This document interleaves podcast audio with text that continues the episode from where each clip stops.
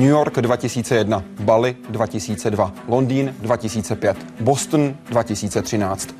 Tohle jsou ty jen ty nejznámější teroristické útoky. Proč se jim nepodařilo zabránit? Jak pracují tajné služby? Co všechno o nás ví? A jak se máme chovat my, sami při teroristickém útoku? Odpoví Marian Brzo Bohatý, odborník na terorismus, děkan Fakulty bezpečnostní a právní Policejní akademie. Vítejte ve světě vědy a otázek současné společnosti. Začíná Hyde Park civilizace.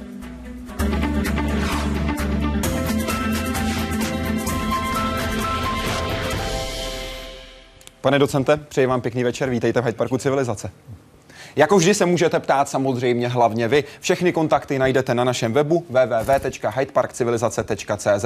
Tam najdete jak cestu na webový formulář, Facebook, SMS, tak také Twitter nebo Google+. Záleží na vás, co budete preferovat. V dnešním vysílání začneme útokem, který změnil svět. Dominic J. Berardi. James Patrick Berger. Stephen Howard Berger. Tři jména, tři životy z téměř tří tisíc, které 11. září 2001 skončily v troskách Světového obchodního centra, Pentagonu nebo jednoho ze čtyř unesených letadel. 19 útočníků tehdy dostalo na kolena světovou supervelmoc. Její hněv se pak zaměřil na jeden stát, jednu organizaci a jednoho muže. I want justice. And uh, uh, there's an old poster out west, as I recall, that said wanted, dead or alive. Usama bin Laden, Al-Qaida nebo Afghánistán. Vyhledávače a tajné služby najednou měly zcela nové priority. A terorismus, do té doby omezený na lokální či úzce regionální konflikty a problémy, se najednou stal globálním ten útok 11. září postavil ten terorismus jako do hlavního proudu, řekněme, zájmu států. Hodně je donutil spolupracovat, vyměňovat si informace. Zrcadlí se to nejen v těch prostředcích, ale i v oficiální politické rovině, ve strategických dokumentech, kdy skutečně bezpečnostní strategie takřka všech států deklarují terorismus na prvním, maximálně druhém místě bezpečnostních hrozeb. Nový důraz a nové priority po 12 letech od 11. září nesou své ovoce. I přes výbuchy v Madridu nebo Londýně tajné služby zabránily řadě dalších. Hlavně útoku na letecké linky přes Atlantik s pomocí tekutých výbušnin. A i díky vojenské intervenci v Afghánistánu dostali al do kouta. Co se týče toho původního vedení a možná i těch původních běžných bojovníků, kteří byli povětšinou v roce 2001 v Afghánistánu, tak tam skutečně se podařilo, údaje se rozcházejí, ale zhruba 70-80% z nich buď to zajmout nebo přímo nějakým způsobem eliminovat v boji. Na tvrdé pronásledování ale zareagovala i Al-Qaida. Z organizace je teď už spíš jen ideologie nebo značka, ke které se hlásí nové skupiny třeba i zcela nezávislé na nejužším vedení. Pomáhají mocenské vákum v Sýrii a nestabilita dalších arabských zemí. Už dneska nemá tu centralizovanou strukturu jako v době, kdy, kdy žil uh, a pracoval Bin Laden, ale, uh, ale její lokální buňky, především v Africe, si hledají své lokální cíle a opírají se o tu, o tu ideologii globálního džihádu. Působí víceméně nezávisle v různých částech světa, ať už Evropa, v současné době Afrika, Jemen a někteří říkají Latinská Amerika. V Evropě islámský terorismus jen přehlušil ten, který tu hrozil dlouhodobě. Byť vždy jen v konkrétních regionech, irských republikánů nebo baskických či korzických separatistů. A mnohem nebezpečnější než nepřítel, kterého tajné služby znají, je ten, o kterém nemají ani tušení tedy tzv. vlci samotáři typu Andrša Breivika. To je úplně nový fenomén. My říkáme, že to je vlastně černá můra všech spravodajských služeb. To je velký problém. U těchto izolovaných teroristů, kterým do hlavy nevidíte, kteří se nesvěří svým kamarádům, svým přátelům, není se vůbec čeho chytit. V takových případech nepomáhají ani miliardové rozpočty tajných služeb, sledování internetu nebo odposlechy. I když se po 11. září bezpečnost a boj s terorismem skloňuje ve všech pádech, každý krok a každé opatření riziko jen zmenšuje, nikdy zcela neeliminuje. Takové oblíbené akademické rčení je, že teroristé mají vždycky tu výhodu překvapení, vždycky také mají tu výhodu, že musí mít štěstí pouze jednou, a kdežto vlády, které proti ním bojují, musí mít štěstí de facto pořád. Teroristické útoky na 100% zastavíte tehdy, nebo byste zastavili tehdy, pokud by polovina lidstva byli policisté a každý z nich hlídal v uvozovce svého civila. Jaroslav Zoula, Česká televize. Pane docente, vy jste se teď tak pousmál u těch posledních slov. Kdyby se terorismu dalo zabránit jenom tehdy, pokud by každý hlídal někoho dalšího. Proč? Tak terorismus není žádný nový fenomén a v podstatě provází lidskou civilizaci od jejího vzniku. To znamená, že skutečně s tímto problémem se lidstvo pere a bojuje od eh, vzniku, nebo respektive od nejranějších dob své existence a předpoklad, že se ho podaří v našem současném století nebo dekádě eliminovat nebo zcela zničit, je nereálná. Ani ten v úvozovkách návod, který zmiňoval pan Schubert? Já si nemůžu představit, jak by to probíhalo. V takovém světě bych moc žít nechtěl. A teď myslím čistě teoreticky. Čistě teoreticky, jestli by tohle vůbec fungovalo. Jestli je vůbec v možnostech lidské povahy jako takové zabránit terorismu jako takovému. Můžeme ho omezit, ale zabránit mu určitě, určitě nemůžeme. Vždycky se objeví jedinci nebo skupiny, kteří dojdou k závěru, že svoje zájmy mohou prosadit pouze tímto způsobem, takže eh, je to otázka pohledu do historie, abychom si mohli uvědomit, jaká nás čeká budoucnost. Na Facebooku se vás, pane docente, ptá první z diváků, který eh, se podepsal jako Jiří Jelínek, přeje dobrý večer a ptá se, co považujete za terorismus, koho považujete za teroristy a co řadíte mezi teror. Nepřijde vám chování některých zemí, například USA, dosti blízko definici terorismu? Těch otázek byla celá řada. Vezměme to postupně. Já, Co považujete začnu, za terorismus? Začnu postupně. Eh, terorismus eh, je mm, termín, který se používá prakticky od dob francouzské revoluce. To je obecně známe, objevil se objevil se ve slovníku francouzské akademie věd, následně potom, potom se začal používat v Anglii. A uh, tehdy v této době, to znamená, řekněme, 18, pardon, 18. 19. století, uh, se považoval, nebo se terorismus považovalo použití uh, násilí, respektive demonstrativního násilí proti oponentům státu. Ale od té, doby, od té doby se ten pojem trošku posunul, stal se obecnější a kontraverznější. Dneska existují stovky definic uh, terorismu, a některé si odporují a některé se shodují v řadě aspektů, ale konkrétně, co je a co není terorismus, na tom žádná schoda neexistuje a pravděpodobně nikdy nebude, ale e, z hlediska tohoto pořadu se pokusím, pokusím nějakým způsobem vymezit, co považuji za terorismus já, takže velice častá, velice a často používaná definice je Eh, definice Ministerstva zahraničí Spojených států, kde se v podstatě asi říká obecně, že se jedná o promyšlené použití, použití násilí, které je eh, použito, eh, použito k vyvolání strachu za účelem dosažení politických, případně, případně dalších cílů. Tam se ještě dodává, že je toto násilí aplikováno buď subnárodními skupinami a nebo tajnými agenty ale existuje řada dalších definic. Eh, asi nejjednodušší definice, se kterou jsem se zde setkal, je, že je to eh, forma psychologické války, která je založena na použití násilí. A k tomu to se, to se pojetí terorismu přibližuje asi nejvíc. To znamená, že eh, za terorismus teď pro účely této diskuze se dá považovat použití násilí, v němž není primární efekt destrukce, který násilí doprovází, ale primárně psychologický úder, který to vyvolá a který eh, jehož prostřednictvím se mění postoje a následně chování lidí. To znamená, že obvykle civilisté nebo nebojovníci jsou používáni jako jakýsi nátlakový, nátlakový řekl bych, jak, jakési beranidlo, potom vůči vládám, vůči institucím a tak dále a nutí je se chovat určitým způsobem, eh, o který teroristé usilují. Vnímání terorismu jako takového v naší společnosti není hodně dáno právě tím, co vy jste vlastně tak trošku mimoděk zmínil. Definice Spojených států, jak tady píše Jiří Jelínek, například USA, kdy píše, nepřijde vám chování některých zemí dosti blízké definici terorismu. Kdy my na jednu stranu hovoříme o terorismu z pozice je země, o které, jak tady Jiří Jelínek píše, mohou někteří uvažovat jako o zemi, která se naopak jako terorista v něčem třeba chová.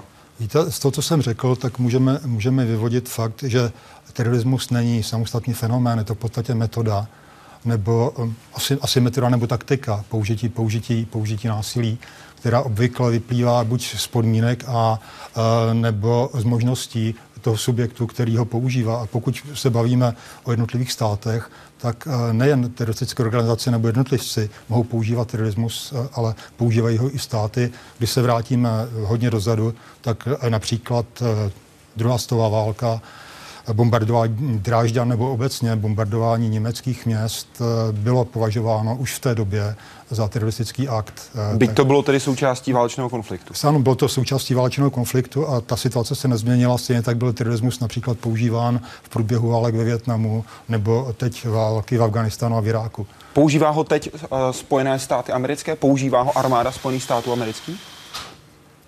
Pokud jde o, o Větnam, tak tam ho určitě používala. Pokud jde o, o uh, Afganistán, tak si myslím, že v určité omezené míře ano, to prostě k válce patří. To znamená zastrašování protivníka, ovlivňování jeho chování, psychologické operace, to tam bez zesporu patří.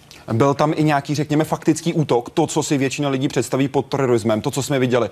Útok na dvojčata 11. září, výbuch v londýnských autobusech, případě v metru v Madridu. Něco podobného. Takovýhle teroristický akt použili Spojené státy, nebo to vy osobně tak cítíte? Ve Větnamu například eh, do této kategorie zapadá takzvaná operace Phoenix, kdy Eh, byli, byli likvidováni příslušníci, příslušníci opozice, opozice a byli, demo, byli likvidováni naprosto demonstrativním způsobem, tak, aby došlo k zastrašení případných protivníků. To je příklad tady třeba v tomto případě.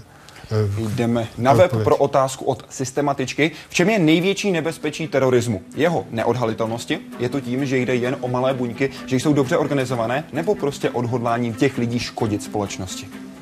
Tak terorismus odhalitelný je, kdyby nebyl, tak by neexistoval. Tak bychom nemluvili o terorismu. Teroristé chtějí, chtějí být vidět, chtějí vidět eh, výsledky eh, své činnosti, chtějí vidět eh, její dopad, pokud možno na velké sociální skupiny.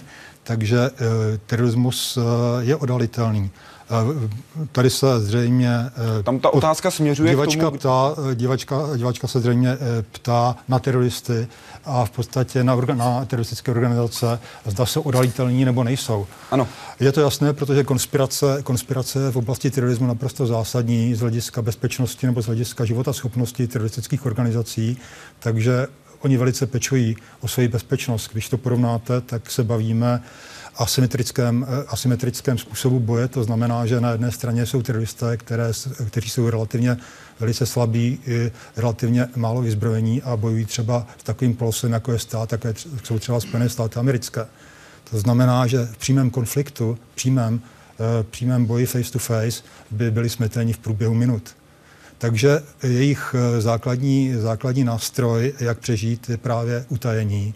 A proto uh, ta otázka je docela, docela správná, je, je na místě a z toho důvodu také zpravodajské služby mají s identifikací, s odhalováním teroristů tolik práce. A kde je ten největší problém odhalit? Je to v té dobré organizaci malých buněk, které nedávají tolik informací různým lidem, anebo v tom osobním nasazení a zapojení těch jednotlivých lidí? Buňky, buňky jsou v podstatě uh, výtvorem eh, posledních, řekněme, 10-15 let eh, souvisí to úzce s al Předtím měly teroristické organizace hierarchickou hodnotu, pardon, eh, strukturu. Takže v tom případě to bylo jednodušší, stačilo, stačilo zasáhnout centrum této organizace a tato organizace přestávala, přestávala fungovat. V tom případě, který je teď, kdy dochází k rozdělení těch buněk nebo respektive organizací na malé buňky, které pracují víceméně na ideologickém, pouze na ideologickém základě, je to docela náročná záležitost. I když zničíte takovou buňku, tak eh, je nahrazena okamžitě celou, celou řadou dalších a ten centrální bod, který to nějakým způsobem řídí, je velice těžko obtížně definovatelný. Takže eh, je to skutečně eh, oblast, kde hrají zásadní roli z hlediska obrany zpravodajské služby a informace jsou v tomto boji tím nejzásadnějším prostředkem, který můžeme mít. Pane docente, jaký je váš názor na konspirační teorie týkající se útoků na World Trade Center? Jeden by si skoro troufal tvrdit, že pát věží vypadal jako řízená demolice. Já to chápu, já jsem eh, viděl a četl, četl eh, viděl jsem filmy, viděl, četl jsem celou řadu článků, dokonce vyšla na to téma, téma knihy a moje odpověď je vždycky stejná k tomu, abych mohl vyslovit nějaký definitivní názor, tak potřebuji mít fakta, potřebuji potřebuji mít ověřená fakta, pak o tom můžu diskutovat, pak můžu zvažovat, ale v tomto případě je všechno uh, založeno na uh, spekulacích, které jsou neuvěřitelné. Takže každý, každou mimořádnou událost, každou mimořádnou událost provází uh, tyto, uh, tyto konspirační teorie. Jinými slovy, vy Ale... nevidíte argumenty pro to, že by například budova číslo 7, na což se diváci hodně ptali, byla zničena úmyslně? Já je prostě nemám a na, tyto, tyto argumenty nejsou k dispozici, čili vyslovit nějaký jednoznačný názor bohužel nemůžu. Pojďme se na to podívat ještě trošku blíž. Jak je možné, že se k zemi sesunul rovněž mrakodrap World Trade Center 7, který nebyl zasažen žádným letadlem? Přesně do svého půdorysu, rychlostí blížící se volnému pádu a zcela přesně vypadající jako řízená demolice. Já vím, že tato otázka byla projednávána, tuším, i na některém, výbor, eh, na některém z výborů eh, amerického senátu a tam byly předloženy materiály, důkazy, které eh, v podstatě vypovídaly asi eh, o tom, že eh, z těch hlavních budov dopadly do této budovy některé trosky, které, které vedly požáru a k následně zroucení té budovy. Takže zase je to, je to něco, co si mu těžko mohu uvěřit. A proto se k tomu stavím velice zdrženlivě a velice nerad se na tohle téma vyjadřuji. Mohl podle vašeho názoru pod tou budovou být nějaký ať už sklad, nebo na druhou stranu třeba centrála nějaké tajné služby? Teď jsme v oblasti spekulací, ale eh, pokud vím, tak eh, tam, eh, myslím, měla pobočku FBI nebo CIA, teď přesně nevím, ale jedna ze služeb... CIA to byla. Tuším, že CIA, CIA tam pobočku, pobočku místěnou měla, to je fakt. Co se týká toho postavení těch poboček, Aha. případně centrál, Děje se ve světě, že jsou pod nějakými budovami skryty před zraky veřejnosti a přitom jakoby na očích?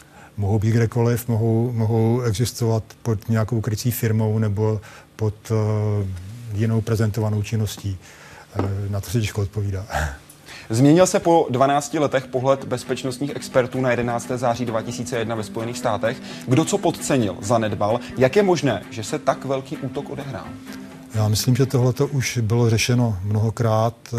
Jednoznačně tady e, zaspaly zpravodajské služby, a zpětnou analýzou, zpětným dějrystvím se dospělo k tomu, že skutečně měli k dispozici informace, na jejich základě mohli vyhodnotit, že k takovému útoku dojde, ale e, došlo tam ke špatné, ke špatné komunikaci mezi, mezi službami a k následnému pozdnímu vyhodnocení rizika, které, které to sebou přinášelo. Mezi kterými službami? Týkalo se to vojenských spravodajských služeb a CIA zejména. Z jakého důvodu tam k té špatné komunikaci došlo? Víte, no to se, to se těžko hodnotí. Já nejsem pracovníkem ani jedné z těch. Teď jsem spíš těch, myslel, jestli služeb. si z toho třeba i další služby vzali nějaké ponaučení. Určitě, Přece určitě. jenom tohle je věc, která opravdu zatřásla celý svět. To odeznělo i v analýze, potom eh, ve zprávě, eh, která, která, byla, která byla američany zpracována a důsledkem byla eh, relativně hluboká reorganizace zpravodajských služeb Spojených států. I dalších zemí světa? Myslím si, že ano v řadě zemí došlo k něčemu podobnému. Kdyby měly stejné informace dnes, ty agentury, které se k těm informacím dostaly, dokázaly by tomu zabránit? Jeden problém je v tom, že v podstatě americké, americké služby pracují v globálním měřítku, to znamená, že mají obrovský přísun informací. Problém není eh, dostat informace, problém je zpracovat a vyhodnotit. A to je, eh, to je v podstatě to nejzákladnější, co vedlo k 11. září. Dnes by to dokázali? Podívejte se, zpravodajské služby jsou tvořeny lidmi a, a lidé chybují a e, nejsou, nejsou neumilní, takže vždycky existuje nějaká možnost, i byť, byť třeba malá, že uh, můžou selhat. Každá, každá zpravodajská služba má za sebou případ nebo případy, o kterých se uh, nerada zmiňuje, takže asi tolik. Na Facebooku se ptá Zuzana, co Americe dala a co vzala válka proti terorismu? Jaké největší chyby udělala a jaké správné kroky?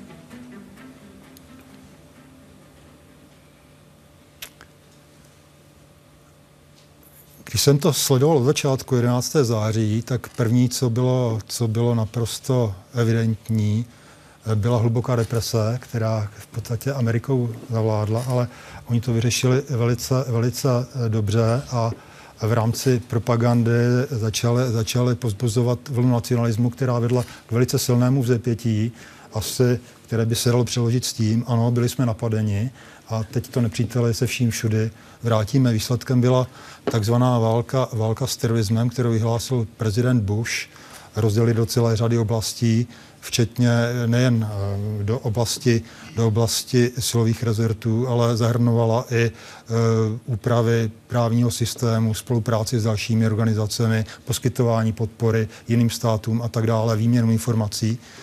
Takže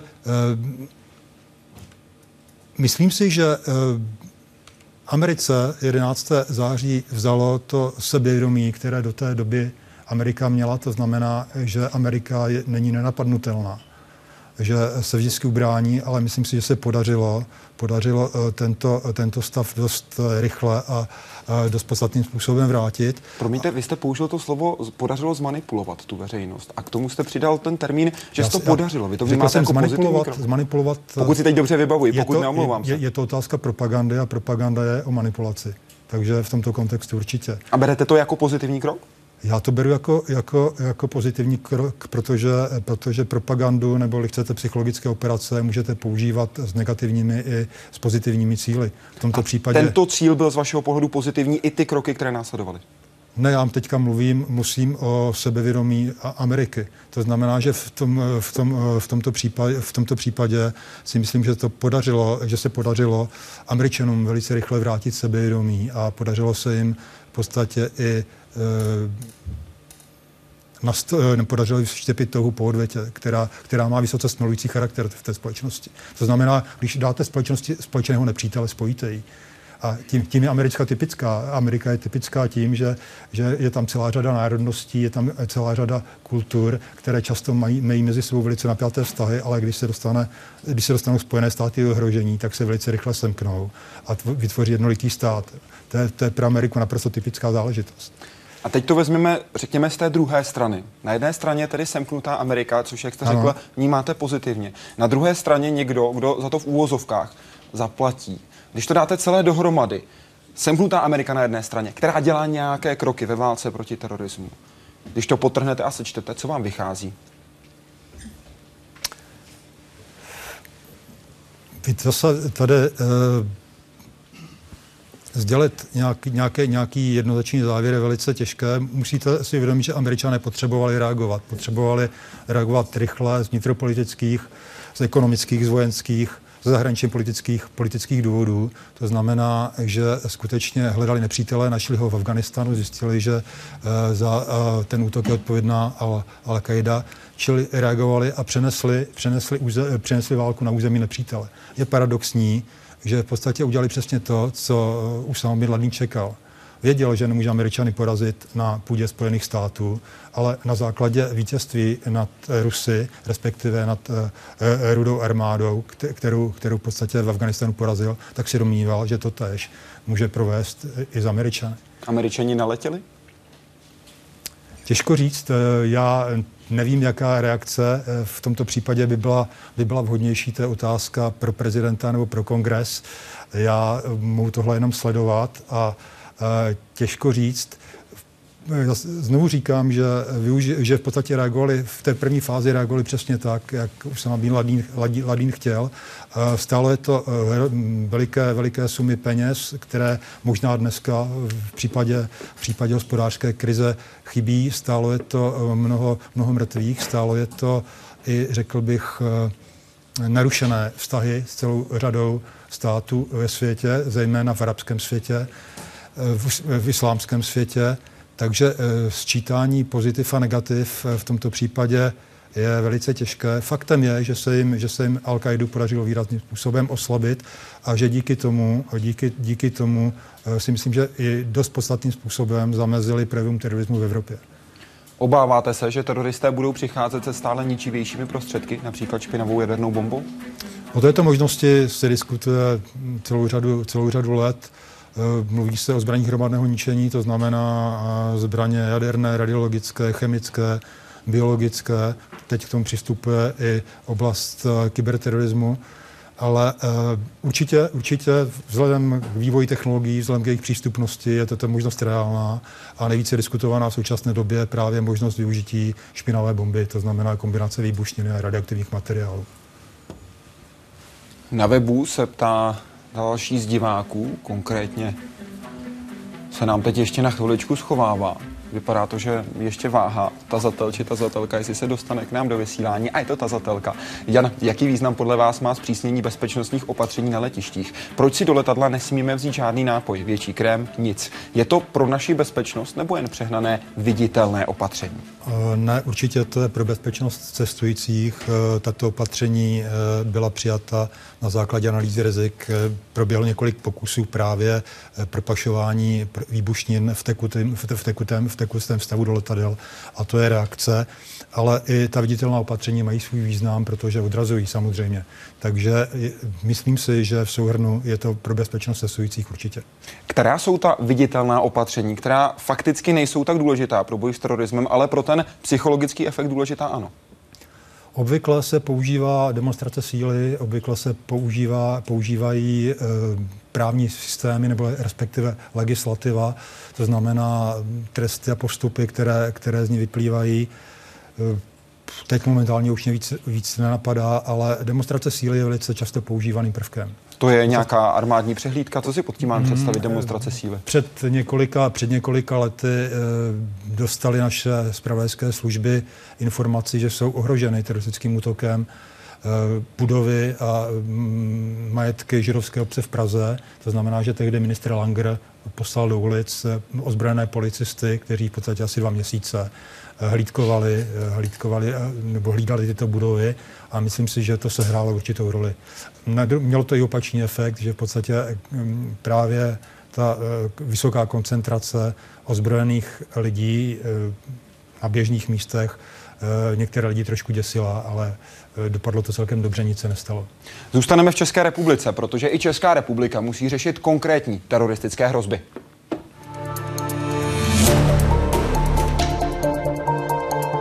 Zdánlivě klidné místo, kde teroristické útoky jednoduše nehrozí. Tak Českou republiku nejspíš vnímá většina jejich obyvatel. Faktem je, že Česko jako stát nepatří mezi hlavní cíle. To ale neznamená, že se tu nemůže nic stát. I tady jsou zcela konkrétní cíle možného útoku. Rádio Svobodná Evropa v Praze kvůli svému vysílání do nesvobodných zemí je jedním z nich. A terčem podle všeho skutečně bylo. Bezpečnostní informační služba nečekaně promluvila o svých tajných operacích. Podařilo se jí třeba odhalit hrozící útok na rádio Svobodná Evropa v centru Prahy. A to mezi roky 1999 a 2003. Jsme přišli na to, že v okolí rádia se čas od času pohybují zajímaví lidé. Eh, přišli jsme na to, že jsou to spravodajští eh, důstojníci tehdy irácké spravodajské služby. Irácký diktátor Saddam Hussein, tehdy ještě pevně u moci, nakonec vydal své tajné službě pokyn, aby se pokusila vysílání Rádia Svobodná Evropa do Iráku umlčet. A do Prahy proto nechal propašovat i zbraně. Americká invaze do Iráku ale spolu s českou BIS jeho plány překazila. Nakonec to dopadlo tak, že opět přišla informace, že tyto zbraně jsou uskladněny eh, ve sklepě irácké ambasády. Eh, irácká ambasáda je potom naši policii vydala, byla to raketa RPG, bylo to asi 11 pistolí, asi 6 samopalů, asi 2000 nábojů. Právě americké operace v islámském světě a úzká spolupráce s Izraelem dělá z židovských komunit po celém světě možné terče útoků. Podle BIS se jim stala i ta pražská a v ohrožení byly zdejší synagogy, hřbitovy nebo společenská centra. My jsme se spojili okamžitě s policií. Eh, policie přijala velice razantní, masivní a také viditelná opatření. K tomu útoku nakonec nedošlo. Tím hlavním úkolem služby je teroristickým útokům předcházet a eh, pokud jsou v sázce lidské životy, tak je přednější ten útok zastavit, než jak si zadržet pachatele. A možná, že k němu nedošlo i proto, že oni, když vidí, že eh, ta druhá strana eh, je schopna se eh, bránit, tak potom couvnou. A naopak, zdánlivá i skutečná slabost nebo malá ostražitost zájem možných útočníků jen přitahují. Relativní klid tak neznamená, že Česká republika schovaná v pohodlném závětří. Konkrétní postup České bezpečnostní informační služby a také konkrétní hrozby, které České republice hrozily. Pane docente, o kterých dalších hrozbách z minulosti pro Českou republiku víte vy osobně? Já myslím, že ty hlavní, které byly zaznamenány, tak už tady eh, odezněly. Eh, vzpomínám si na aféru eh, s teroristou Carlosem, která se potom, eh, ta informace, která byla eh, tady k dispozici o něm, tak se do jisté míry nepotvrdila a takových, takových drobných, řekl bych, příhod byla, je celá řada, ale o těch, o kterých se tady mluvilo, tak to byly asi ty nejpodstatnější. Jdeme na web pro otázku od Lukáše Borského jsou u nás připravené krizové plány pro různé útoky, například výbuch v metru, rukojmí v bance, unesené letadlo. Kdo by jak postupoval a jak bych se měl zachovat já sám? Krizové plány jsou, takovéto instituce musí mít ze zákona připravené, musí inovovat, inovovat musí udržovat stále, stále aktuální. Eh, jak by kdo postupoval, to vám říci nemůžu, protože je to indi, přísně individuální a tyto plány nejsou veřejně, veřejně přístupné. Eh, jak byste měl postupovat vy, to je také komplikovaná odpověď, záleží na to, v jaké byste byl situaci, kde byste byl a co by vám hrozilo. Pak bych vám asi mohl odpovědět, ale na takto obecnou otázku hm, těžko. Vezměme to od těch plánů, krizových plánů pro, dejme tomu, banku, metro a podobně. Ano. Kdo vymýšlí ty plány a kdo je schvaluje? Každá z těchto, z těchto institucí má pracoviště, které zajišťuje bezpečnost, takže tam se většinou tyto plány zpracovávají a otázka schvalování, to je potom, může to být i dokonce ministerstvo, ministerstvo vnitra. Jinými slovy, řekněme, bezpečnostní agentura, která se stará o banku, připravuje protiteroristický plán a plán dalšího Bezpečnostní agentura ne. Každá, každá taková instituce má své vnitřní oddělení, vnitřní oddělení, které, které se zabývá její, její vnitřní bezpečností. Bezpečnostní agentury jsou pronajímány na určitou činnost, obvykle na fyzickou ochranu. Eh, takže eh, to je Takže každá málo, taková ale, instituce má svoje vlastní oddělení, ano, které ano, má na to ty specialisty. Ano, ano, mě, to znamená, že každá nebo, ta instituce... Nebo odborného pracovníka, který rozumím, se tím zabývá. Rozumím. Která, každá ta instituce tedy může vymyslet trošku jiný postup. Ona dokonce musí, protože podmínky v místě té instituce, v, v, v, to znamená v každé lokalitě, jsou jiné, hrozí tam jiná rizika a tak dále. Takže, takže eh, ty plány, plány se nemohou ani krýt, to není možné. Co se týká toho, jak by měl postupovat člověk, pokud například, eh, raději to zaklepejme, na všechno, co můžeme, by došlo k útoku třeba na pražské metro, jak bych se měl v té chvíli zachovat, když v tom metru nejsem. Samozřejmě v okamžiku, hmm. kdy jsem v tom metru, je to celkem jasné, ale v okamžiku, kdy v tom metru nejsem, jak by se měl ten člověk zachovat? Nejdůležitější je uh, si zachovat uh, racionální, racionální myšlení, protože v takových případech dochází ke stavům paniky, to znamená, a lidé mají tendenci, tendenci se chovat na základě své prvosignální soustavy, to znamená utíkat od toho místa incidentu, eh, chovají se, chovají se nelogicky a tak dále. Takže to je asi to nejdůležitější a potom podle, podle situace, podle vývoje situace reagovat no, připomínám, udržení té racionality je velice důležité. A, a platí pravidlo, že eh, v takových případech, kde je člověk eh, ve velice obtížné, obtížné situaci, kde je pod vysokou hladinou stresu, tak víceméně platí to, co se naučí, nebo to, na co se připravil. To znamená, že potom improvizovat, improvizovat v takových situacích trvá relativně dlouhou dobu a není to příliš efektivní. Takže i poslouchat pokyny těch, kteří Určitě, ty plány mají to, připravené. To, to je velice, no, ano. Oni taky k tomu se používají, používají se různé formy cvičení, které eh, různé, různé funkce eh, toho plánu zkouší a v podstatě učí lidi, jak se mají v takových situacích chovat. Pane docente, kam až smí v České republice zajít státní složky při sledování a zastrašování podezřelých či nepohodlných lidí?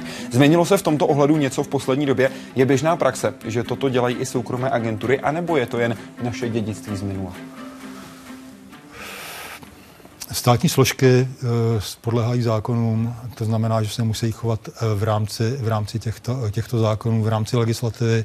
Každá spravodajská služba je zřízena na základě příslušného zákona, má svoje, má svoje vnitřní předpisy, má, každá z těchto složek by měla mít nebo měla by respektovat vnitřní etiku, která je tady důležitá ale eh, rozhodující je vždycky eh, v tomto případě spolupráce se státním zástupcem nebo se soudcem, který v podstatě celý takový, celou takovou činnost řídí a dozoruje. Takže to je to nejpodstatnější. V okamžiku, kdy tam ještě není, dejme tomu nějaký konkrétní akt ze strany státního zástupce, co o mě všechno může zjišťovat ať už to bude jakákoliv organizace, která se zabývá třeba sledováním lidí. Může sbírat informace o tom, kde se pohybuji, může sledovat můj mobilní telefon. Pokud tím nebude, pokud tím nebude narušovat vaše, vaše, soukromí, vaše soukromí a vaše práva, tak, tak může, ale pokud mluvíte o poslechu, tak bez příkazu, bez příkazu státního zástupce nebo soudce nemůže.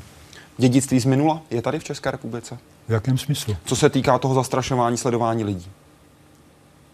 Vnímáte tam nějaký posun, dejme tomu od těch 90. já si, já si myslím, že policejní práce nebo práce bezpečnostních složek je ve své podstatě úplně stejná. Podstatné je, komu a čemu to slouží.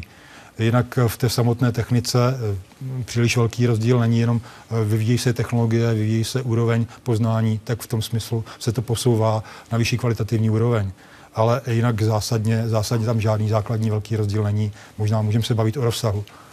Přesně na ten ta otázka no. se myslím směřovala, hmm. ten rozsah toho, co o nás, jakožto občanech České republiky, může stát a jeho agentury, ať už to bude vojenské spravodajství nebo nějaká jiná, řekněme, odnož, nějaká jiná organizace, získávat, co o nás všechno může vědět. To nemusí být ani žádná spravodajská služba. Podívejte se jenom internet, jaký je, jaký je v podstatě nosič informací, které jsou v podstatě přístupné komukoliv. Teď se omlouvám, pane docente, ale ta otázka směřovala na tu státní moc, na ten státní v úvozovkách dozor ano. nad občanem. Změnil Já se rozsah toho, co si o nás může schromažďovat stát?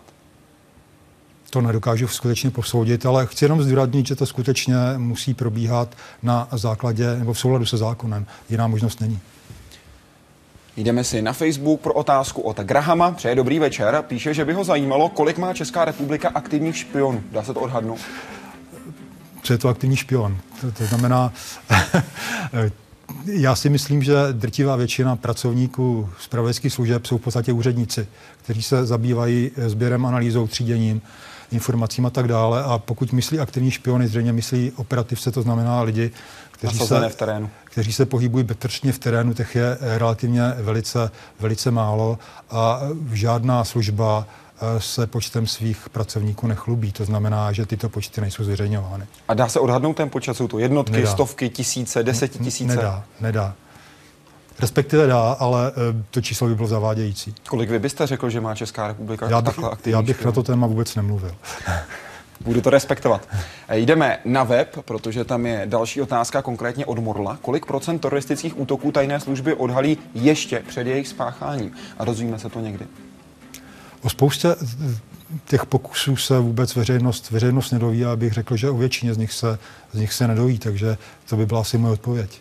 Co se týká těch o kterých se dozvíme nebo nedozvíme. Co rozhoduje o tom, že někdo řekne, ano, tohle řekneme veřejnosti, my jsme zabránili tomuto a tomuto útoku. A na druhé straně někdo řekne, ne, tohle veřejnosti neřekneme, necháme si to pro sebe. Tak záleží na tom, v jaké, v jaké to situaci, pokud, pokud eh, má utajování nějaký význam třeba z vyšetřování, z hlediska vyšetřování nebo z hlediska, z hlediska předcházení dalším útokům nebo z hlediska utajování zdrojů, tak pochopitelně se takové, takové uh, informace nezveřejňují. Některé uh, podobné pokusy se ani utajit nedají, protože jsou příliš, příliš zjevné a někdy je potřeba uh, tuto možnost zveřejnit, tak jak to bylo v případě té události, kdy jsem mluvil o ohrožených objektech Žirovské obce, tak tam to, tam to smysl mělo ale v podstatě to rozhodují buď odpovědní pracovníci, političtí činitelé, nebo respektive zástupci a soudci. O kolika podle vašeho názoru těch plánovaných akcí jsme tady v České republice nedozvěděli? To jsou otázky, na které skutečně nedokážu odpovědět. Na webu se vás ptá Lukáš, jaký rozpočet mají tajné služby, komu se zodpovídají? Americké... Je pravda, že americká CIA má větší rozpočet než Česká republika?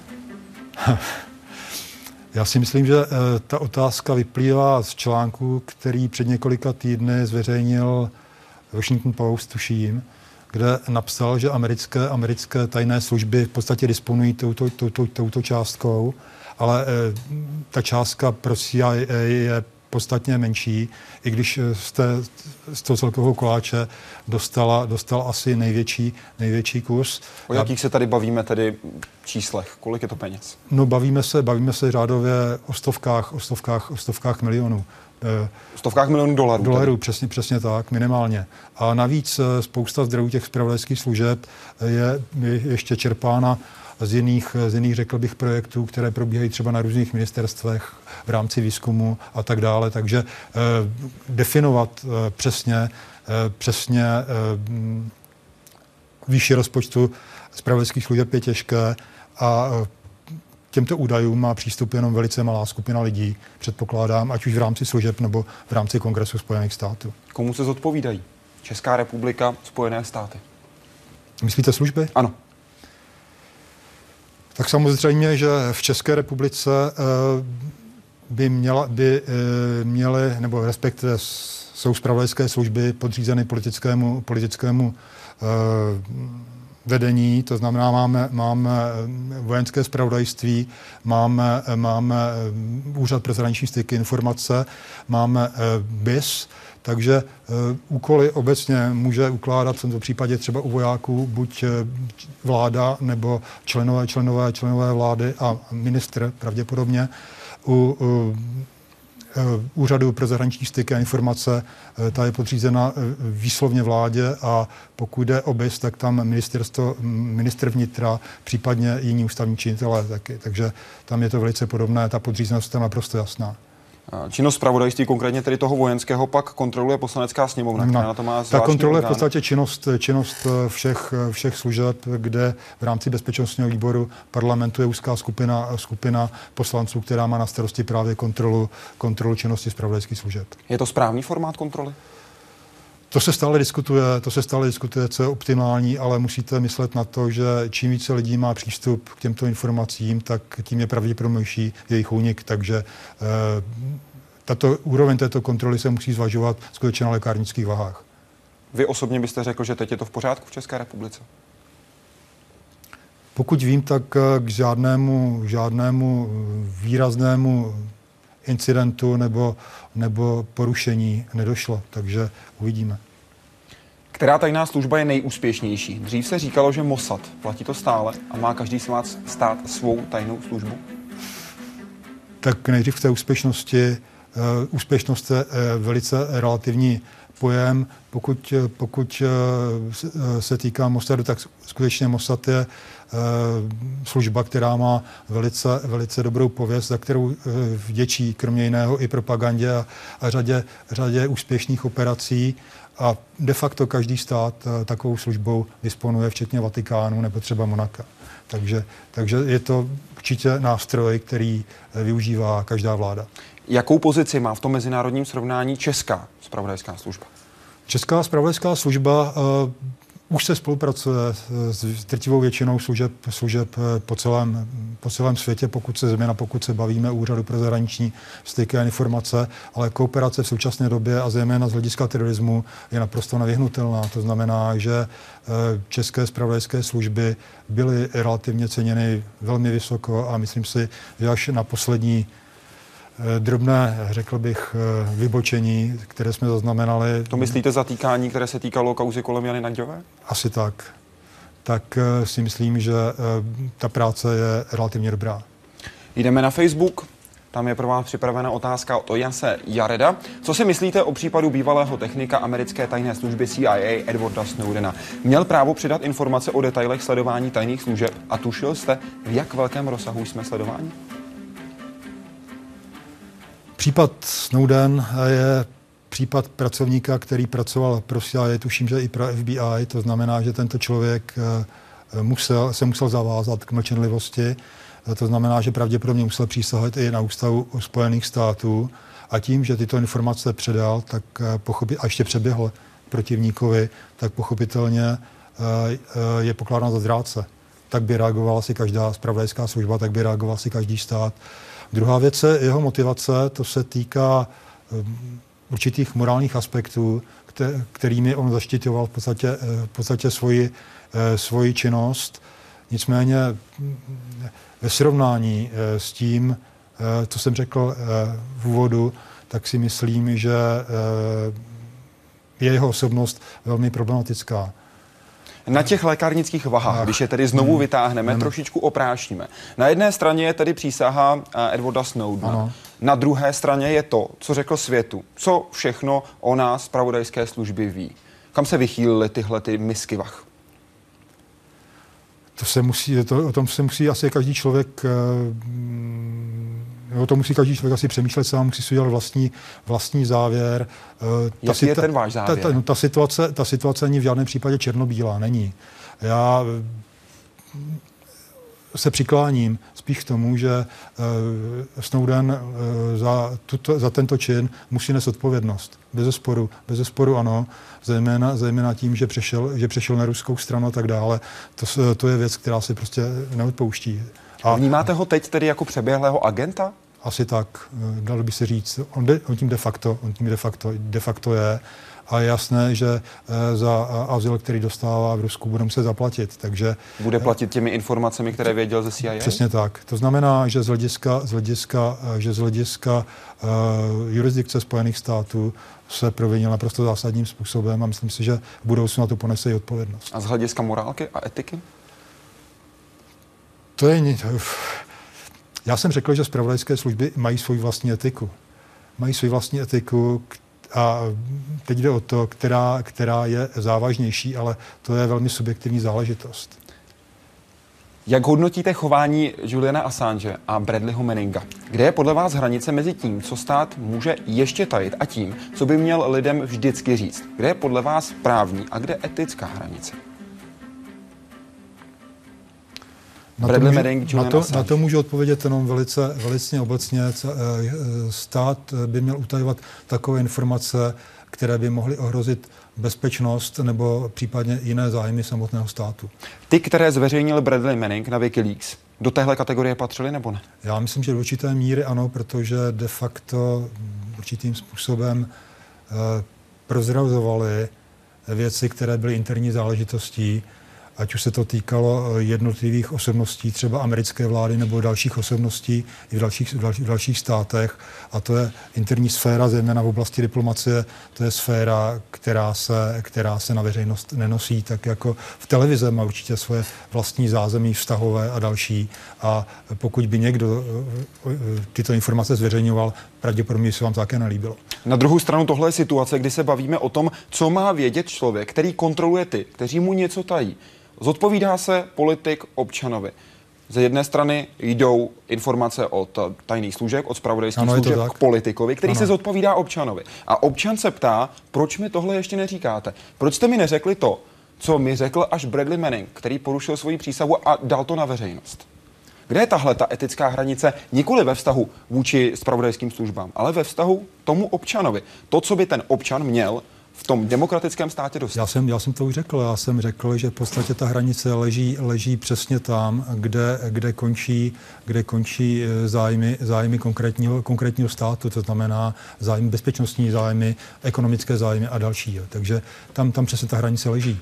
Pokud jde o, o jednotlivé politiky, tak tam byly docela zajímavé v vozovkách zajímavé privátní údaje o životě těch politiků, jejich vztazích, jejich charakteristiky. To si myslím, že e, veřejnost e, by také nemusela, nemusela, nemusela tyto, ty, tyto údaje, údaje znát.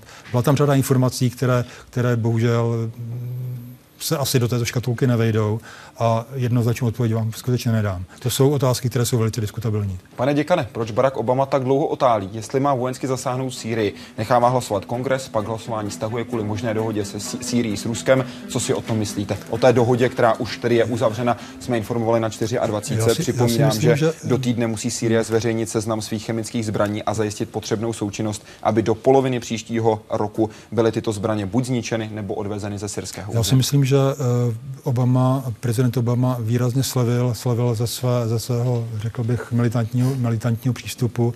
Bez zesporu eh, jedním z podnětů byl i nesouhlas eh, více jak nadpoloviční většiny americké, americké veřejnosti, co si myslím, že je velice, velice silný motiv. Na druhé straně, na druhé straně jste tady měli příklad z Británie, kdy, kdy v podstatě rovněž nebyl odsouhlasen, odsouhlasen v parlamentu eh, tento zásah. To znamená, že i Evropa, evropské mínění se postavilo proti a celé eh, veřejné mínění v celé řadě dalších zemí. Eh, takže to si myslím, že to jsou ty nejhlavnější důvody a navíc zatím prezident Obama neřekl hlavní slovo. Rysuje se určité řešení toho problému politickými prostředky. To znamená, že pokud by v této fázi použil ozbrojenou sílu, těžko, těžko by zdůvodňoval proč. Takže, Takže podle vás ten útok teď nepřijde. Byť Barack Obama říkal, jsme stále připraveni za útočit. On říká, že jsme připraveni za útočit, ale pokud probíhají jednání, pokud eh, bude Syrie plnit požadavky, které na ní budou kladeny, tak si myslím, že jeho, jeho existence je minimální.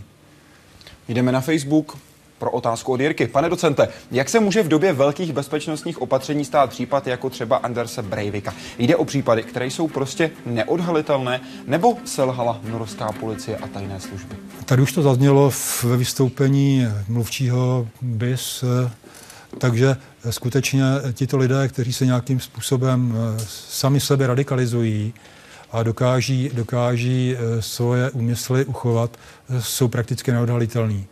Můžete je, můžete je odhalit pouze na základě nějakého atypického chování. A navíc v prostředí, které, které bylo v Norsku, tak eh, neměli se s podobnými projevy zatím vůbec žádné zkušenosti, takže nikdo eh, tomuto člověku nepřikládal nějakou zvláštní důležitost. Z hlediska spravodajských služeb, to tady zaznělo, je to skutečně černá můra, se kterou se musí vypořádat a eh, podobný případ si myslím, že, můžeme, že do, této, do této kategorie můžeme zařadit i případ v Bosnu, tam k něčemu podobnému došlo také. Čili se nejde v podstatě bránit, tedy jsou tyto lidé, ty, tyto lidé zachovávají nebo po sobě zanechávají minimum stop a minimum příznaků, takže prakticky je to neodhalitelné. Jak silná je lobby zbrojařských společností v souvislosti s útokem ve školách, kyně a tak dále? Jak se třeba v USA dívají na omezování střelných zbraní? Pomohlo by to?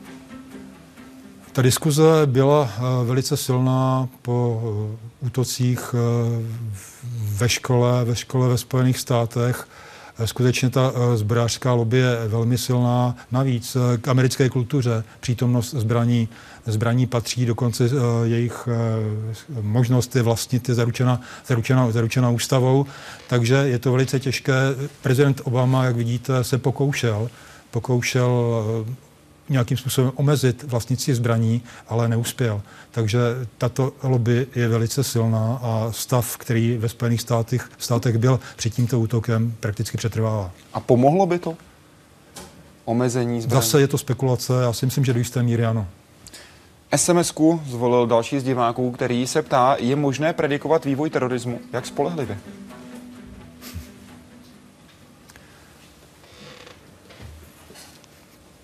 Predikovat vývoj terorismu určitě možná je. Eh, otázka spolehlivosti je velice diskutabilní. To znamená, eh, že musíte, musíte brát úvahu eh, celou řadu různých faktorů, které se velice dynamicky mění. A to, co platí dnes, nemusí platit, nemusí platit zítra. Nicméně některé tendence jsou jasné. Dá se říct, že tím, že byla provedena americká intervence do Afganistanu a Iráku, tak došlo k jistému omezení eh, operačních schopností al qaidi ale ta to vyřešila tím, nebo respektive ten zbytek, že se, vyřeš, eh, že se přesunul do jiných oblastí, zejména na severu Afriky, do Jemenu a dalších podobných zemí. A je pravděpodobné, že zase eh, se přeskupí a budou ve své činnosti pokračovat.